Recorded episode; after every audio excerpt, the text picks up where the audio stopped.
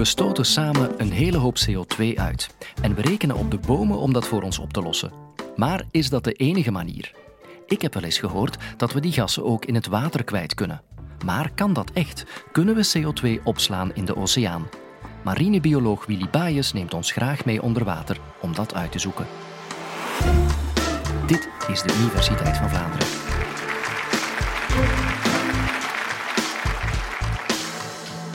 Dat de opwarming van de aarde steeds verder gaat, dat is geen geheim. Moeten en kunnen we daar iets aan doen? Ja. In de eerste plaats moeten we de uitstoot van CO2 reduceren. Maar anderzijds moeten we ook proberen van de CO2 die reeds in de lucht, in de atmosfeer aanwezig is, daar terug uit te halen. Kan dat? Ja, marien fytoplankton is daartoe in staat en doet dat reeds. Nu, wat is marien fytoplankton? Hier zie je voorbeelden van planktoncellen. Plankton of fytoplankton is niks anders dan een plantje, een eencellig plantje. Dus totaal vergelijkbaar met de planten op het land, bomen, gras enzovoort. Het bevat dus evengoed chlorofyl en het doet dus ook aan fotosynthese. Nu, wat is fotosynthese? Dus onder invloed van het licht en een aantal voedingsstoffen zoals CO2 zal dat fytoplankton die CO2 omzetten in energieproducten of bouwstoffen voor zichzelf. En het gaat daarbij groeien, gaat dus altijd maar toenemen in volume. Toch zolang bepaalde voedingsstoffen aanwezig zijn. Nu, de efficiëntie van marien fytoplankton om die CO2 op te nemen is enorm hoog. Als we dat vergelijken met de planten op het land, heeft de massa van dat plankton in de zee, de fytoplankton, maar 0,5 procent van die totale massa van planten op het land. Maar hun CO2-opname is bijna even groot. Dus het is een enorm efficiënt systeem. En daarvan gaan we dus gebruik kunnen maken om eventueel meer CO2 te gaan opslaan in de oceaan dan dat er tot nu toe uh, wordt opgeslaan. Uh, het fytoplankton gaat dus onder invloed van het licht en van een aantal voedingsstoffen kunnen groeien. Nu, die voedingsstoffen die zijn niet overal evenveel aanwezig in de oceaan. We hebben zones waar er meer van die voedingsstoffen aanwezig zijn. En we zien dat aan de kleuren hier. Hoe donkerder de kleur, hoe meer fytoplankton er aanwezig is. Er zijn zones waar het veel minder aanwezig is. Nu, dat komt omdat er in die zones ook meer of minder voedingsstoffen aanwezig zijn. En als voorbeeld kunnen we bijvoorbeeld een micronutriënt nemen en dat is ijzer. Als we kijken naar de distributie, de heterogeniteit van ijzer over de oceanen, zien we dat daar enorme verschillen zijn. Dus in bepaalde zones van de oceaan zal plankton heel veel voorkomen. In andere zones zal het veel minder voorkomen. Nu, we kunnen dus uh, gaan proberen van die uh, biomassa, die totale massa van plankton, te gaan stimuleren. Maar wat gebeurt er met de biomassa van plankton? Op een bepaald ogenblik, en dat is in het najaar, gaat plankton afsterven. Afsterven dat betekent dat het door de bacteriën wordt afgebroken, terug in mineralen omgezet worden. En een groot gedeelte, ongeveer 75 procent van dat afgebroken plankton, gaat terug zijn CO2 die hij opgenomen heeft tijdens de lente en de bloei, gaat terug afstaan aan de atmosfeer. Ik kan misschien nog ook kort vertellen hoe die CO2 uit de atmosfeer door het plankton dat in de zee leeft wordt opgenomen. Wel, plankton neemt CO2 uit de zee op. Maar als er minder CO2 in de zee aanwezig gaat zijn, gaat er CO2 uit de atmosfeer naar de zee gaan om dat evenwicht terug te herstellen. Dus in feite pompt het plankton CO2 via de zee uit de lucht. En hoe groter uiteraard de biomassa van het uh, fytoplankton, hoe meer CO2 er uit de lucht in de zee, in het fytoplankton zal terechtkomen. Die 75 procent die afgebroken wordt en terug naar de atmosfeer wordt afgegeven, daar hebben we dus niks aan. Dat is een resultaat dat netto uh, uh, nul is. Dat is een zerobalans. Maar er is ook 25 procent van het fytoplankton dat gaat bezinken in de diepere oceaan. En dat is een winstmarge. Waarom is dat winst voor ons? Wel, dat gaat daar afgeschermd zijn voor, laten we zeggen, ongeveer een 150 jaar. En dus alle CO2 uit die lucht die in het plankton terechtkomt en bezinkt in de diepzee, gaat daar voor 150 jaar gestockeerd worden. Wat ons als mensheid de tijd geeft om betere methodes voor onze CO2-concentraties, hoeveelheden in de lucht te bedenken. Nu, er is dus een duidelijk gebrek aan bepaalde voedingsstoffen in bepaalde zones van de oceanen. Daar gaan we dus kunnen op inspelen om eventueel dat gaan toe te voegen en de fytoplanktongroei te gaan stimuleren. Maar hoe gaan we dat meten? De hoeveelheden van die micronutriënten zijn extreem laag. We spreken over picomolaire concentraties. En pico is nog eens duizend keren kleiner dan nano. Dus nano is al heel klein, de nanotechnologie, iedereen weet dat. Pico, duizend keer kleiner. Zomaar gaan meten rechtstreeks, dat is onmogelijk. Dus je moet dat met een speciale sensor gaan bemonsteren, gaan opslaan en dan kun je het nadien gaan meten. En dat is zo'n sensor. We noemen dat een passieve sampler. Die bestaat uit een hars, de rechterkant, en die bestaat uit een gel, de linkerkant. En er zijn dus verschillende vormen van die micronutriënten die in het water voorkomen, maar al één diegene die onder de noemer A, de labiele zijn, die interesseren ons. Die gaan ook door die sensor worden bemonsterd en geaccumuleerd.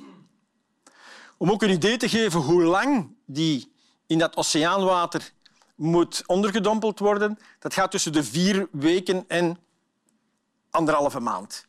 Dus dat is een heel lange tijd om die heel kleine concentraties te kunnen bemonsteren en dan te kunnen analyseren en te weten hoeveel van die micronutriënten zitten er in het water.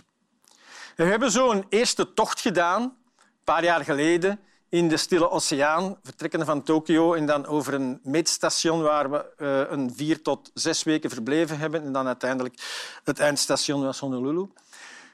Om die uh, systemen uit te testen.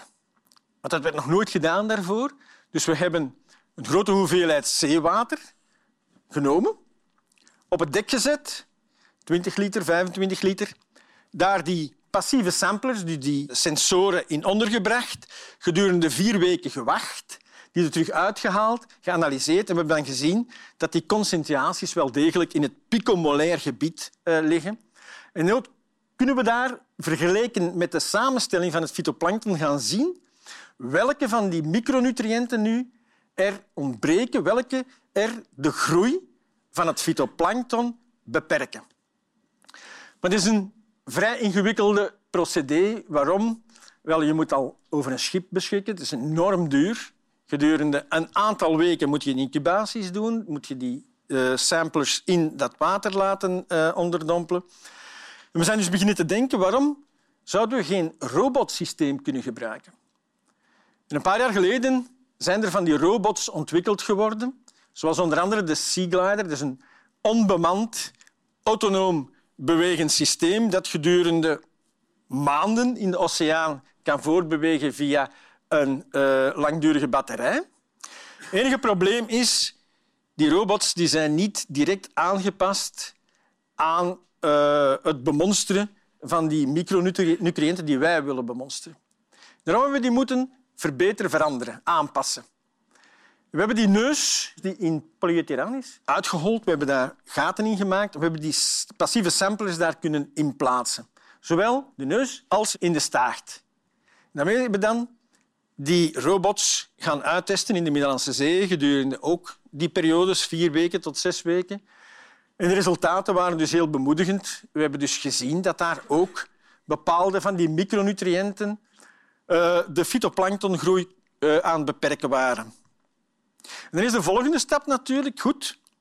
We weten nu dat in bepaalde zones van de oceanen, en dat is vooral de Zuidelijke Oceaan, dat is de Equatoriale Stille Oceaan en dat is de Noordelijke Stille Oceaan, dat daar die micronutriënten, dus de groei van het fytoplankton bepalen. En diegenen die in te kleine concentraties zijn, te kleine hoeveelheden, gaan ook die groei stoppen. De vraag is dus, hoe kunnen we die groei verbeteren? Kunnen we die terug stimuleren? Zodanig dat we een grotere hoeveelheid fytoplankton krijgen. Grotere hoeveelheid betekent dat er ook een grotere hoeveelheid naar de diepzee kan gaan. En dat er dus meer CO2 vanuit de atmosfeer in de diepzee zal terechtkomen. Nu, er zijn verschillende mogelijkheden. En vroeger de eerste methodes was laat ons gewoon maar wat ijzer in de oceaan kieperen en zien wat er gebeurt. En in sommige gevallen kreeg je een stimulans van de groei van dat fytoplankton, in andere gevallen niet zo goed. Plus dat daar een aantal nogal nadelige effecten aan waren waar ik niet dieper op inga. Onder andere dat dat ijzer ging neerslaan. Dat, dat bracht dan ook een eh, aantal effecten op dat fytoplankton. Dus dat was geen goede methode. De beste methode is om een zo natuurlijke mogelijke bemesting, dus aanreiking, te gaan doen. U weet dat boeren, ook op het land, om hun gewassen sterker te laten groeien, ook gaan stoffen toevoegen. Hè. Dus wij zouden dat dan ook in de oceaan op die bepaalde plaatsen kunnen doen. En die twee natuurlijke bemestingswegen of fertilisatiewegen, dat zijn enerzijds de depositie van heel fijn stof dat afkomstig is meestal van woestijnen. En als er een hele, hele grote storm is in die woestijn, dan wordt dat fijn woestijnzand in de atmosfeer gebracht, duizenden kilometers verplaatst. En soms heb je al eens een keer hier dat er wat stof op je wagen ligt en dat is woestijnstof. Nu, als dat in de oceaan terechtkomt, dat is ook heel vruchtbaar. Dat gaat die, uh, die fytoplanktongroei stimuleren. En je zou dus heel fijn materiaal in de woestijnen kunnen gaan verzamelen, dat via schepen brengen naar plaatsen waar dat die stimulans van dat plankton kan gebeuren. Dat is natuurlijk een relatief dure en uh, ook nogal uh, moeilijke methode. Een tweede manier is dat we naar de diepzee gaan kijken. En in de diepzee heb je waterlagen die heel sterk aangereikt zijn in de micronutriënten die het fytoplankton in de bovenlaag nodig heeft. Waarom mengen die zich dan niet natuurlijk? Wel, er is zoiets als een thermocline. Die bovenlaag die is warmer, die benedenlagen zijn veel kouder en er is een soort van grens die maakt dat er heel weinig uitwisseling is tussen die rijke diepzeelagen en die uh, verarmde bovenlagen in de oceanen. Er zijn uitzonderingen. En dat noemt men de upwellingzones. De zones waar die benedenlagen door stroming naar boven komen. Dat is bijvoorbeeld het geval voor vele eilanden in de oceaan. Dat is ook voor bepaalde kuststreken het geval. Peru is er zo een, Mauritanië is er zo een, Spanje is er zo een. En dan breng je dus van dat aangereikt bodemwater of diepzeewater in die bovenlaag en zie je werkelijk dat er een groene massa van fytoplankton gaat ontstaan. Dus de idee is van op een of andere manier, en dat is een technologie die mogelijk is, diepzeewater te gaan mengen met dat uh, bovenliggende water en dus op die manier fytoplankton stimuleren, de groei daarvan te gaan stimuleren. Nu, wat zijn de tijdsperiodes waarover we hier spreken? We zijn nog altijd in een onderzoeksperiode nu. Dat zal nog wel enkele jaren duren. Maar we hopen toch dat laat ons zeggen rond zo de jaren 2025 we een echt goed idee hebben van hoe en op, dus op, op welke manier en met welke materialen we die fertilisatie, die stimulering, die stimulans van de fytoplanktongroei in bepaalde zones van de oceanen kunnen realiseren. En ruwe berekeningen hebben ook al uitgewezen dat als het werkelijk goed functioneert, dat we toch een uitstoot zoals van de grote de Europese Unie mogelijk zouden kunnen neutraliseren. Dus de vooruitzichten, als die echt gunstig blijven, als die resultaten, die uh, onderzoeksresultaten heel gunstig zijn, zou dat toch wel een serieuze bijdrage kunnen leveren om de klimaatopwarming in ieder geval te beperken. En dat is hetgeen dat denk ik iedereen wel hoopt. De toekomst ziet er meteen een pak rooskleuriger uit. Wist je trouwens dat je je ook kan abonneren op deze podcast? Zo ben je altijd meteen op de hoogte als we een nieuw college voor je klaar hebben. Eén klikje en je bent er.